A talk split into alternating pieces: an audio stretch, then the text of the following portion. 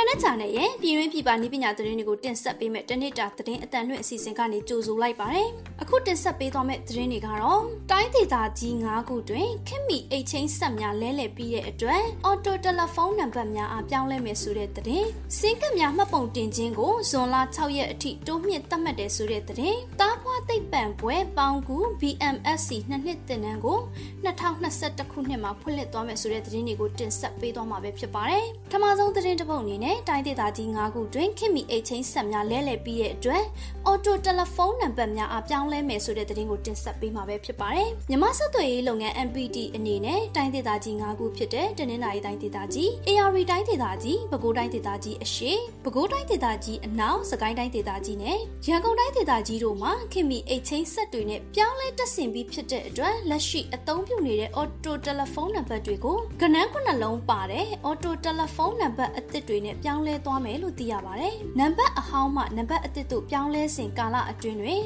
မြမဆက်သွယ်ရေးလုပ်ငန်းမှာမိမိတို့ရဲ့ဝန်ဆောင်မှုကိုအသုံးပြုနေသူများဆက်သွယ်မှုအဆင်ပြေစေရန် call forward ဝန်ဆောင်မှုကိုပြောင်းလဲတက်ဆင်တဲ့နေ့ကနေစပြီး3လအထိအခမဲ့ပေးထားမှာဖြစ်ပြီးသုံးဆွဲသူတွေအနေနဲ့နံပါတ်အသစ်တို့ပြောင်းလဲနေစဉ်ကာလအတွင်းမှာလက်ရှိနံပါတ်သို့မဟုတ်နံပါတ်အသစ်ကိုခေါ်ဆိုနိုင်မှာဖြစ်တယ်လို့သိရပါတယ်။နောက်ထပ်သတင်းတစ်ပုဒ်အနေနဲ့စင်ကပ်များမှတ်ပုံတင်ခြင်းကိုဇွန်လ6ရက်အထိတိုးမြင့်သတ်မှတ်တယ်ဆိုတဲ့သတင်းကိုတင်ဆက်ပေးမှာပဲဖြစ်ပါတယ်။စင်ကပ်များပြန်လည်မှတ်ပုံတင်နိုင်ရေးကိစ္စကိုပို့ဆောင်ရေးနဲ့ဆက်သွယ်ရေးဝန်ကြီးဌာနဆက်သွယ်ရေးညွှန်ကြားမှုဦးစီးဌာနကဇွန်လ6ရက်အထိထပ်မံတိုးမြင့်လိုက်ပါတယ်။တီစဲဥပဒေအရထုတ်ပေးထားတဲ့တပ်တေကန်လက်မှတ်နိုင်ငံသားအဲနိုင်ငံသား နိုင်ငံသားပြုနိုင်ငံသားစီစစ်ခံရမဲ့သူရဲ့တက်တေခံကပ်ပြနိုင်ငံသားများအတွက် passport တစ်ခုခုနဲ့နှစ်ကတ်ထက်ပိုကမှတ်ပုံတင်ထားတဲ့စင်ကတ်တွေနဲ့အချက်လက်မှန်ကန်စွာမှတ်ပုံတင်ထားခြင်းမရှိတဲ့စင်ကတ်တွေကိုဧပြီလ30ရက်နောက်ပိုင်းမှတ်ပုံတင်ရေးကိစ္စများကိုစုံစမ်းနိုင်ရန်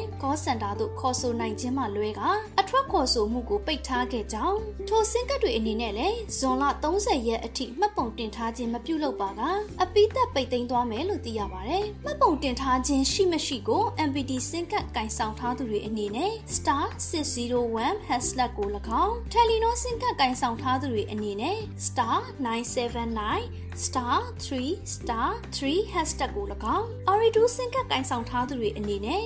star 666 hashtag ကို၎င်း My Day စင်ကတ်ကင်ဆောင်ထားသူတွေအနေနဲ့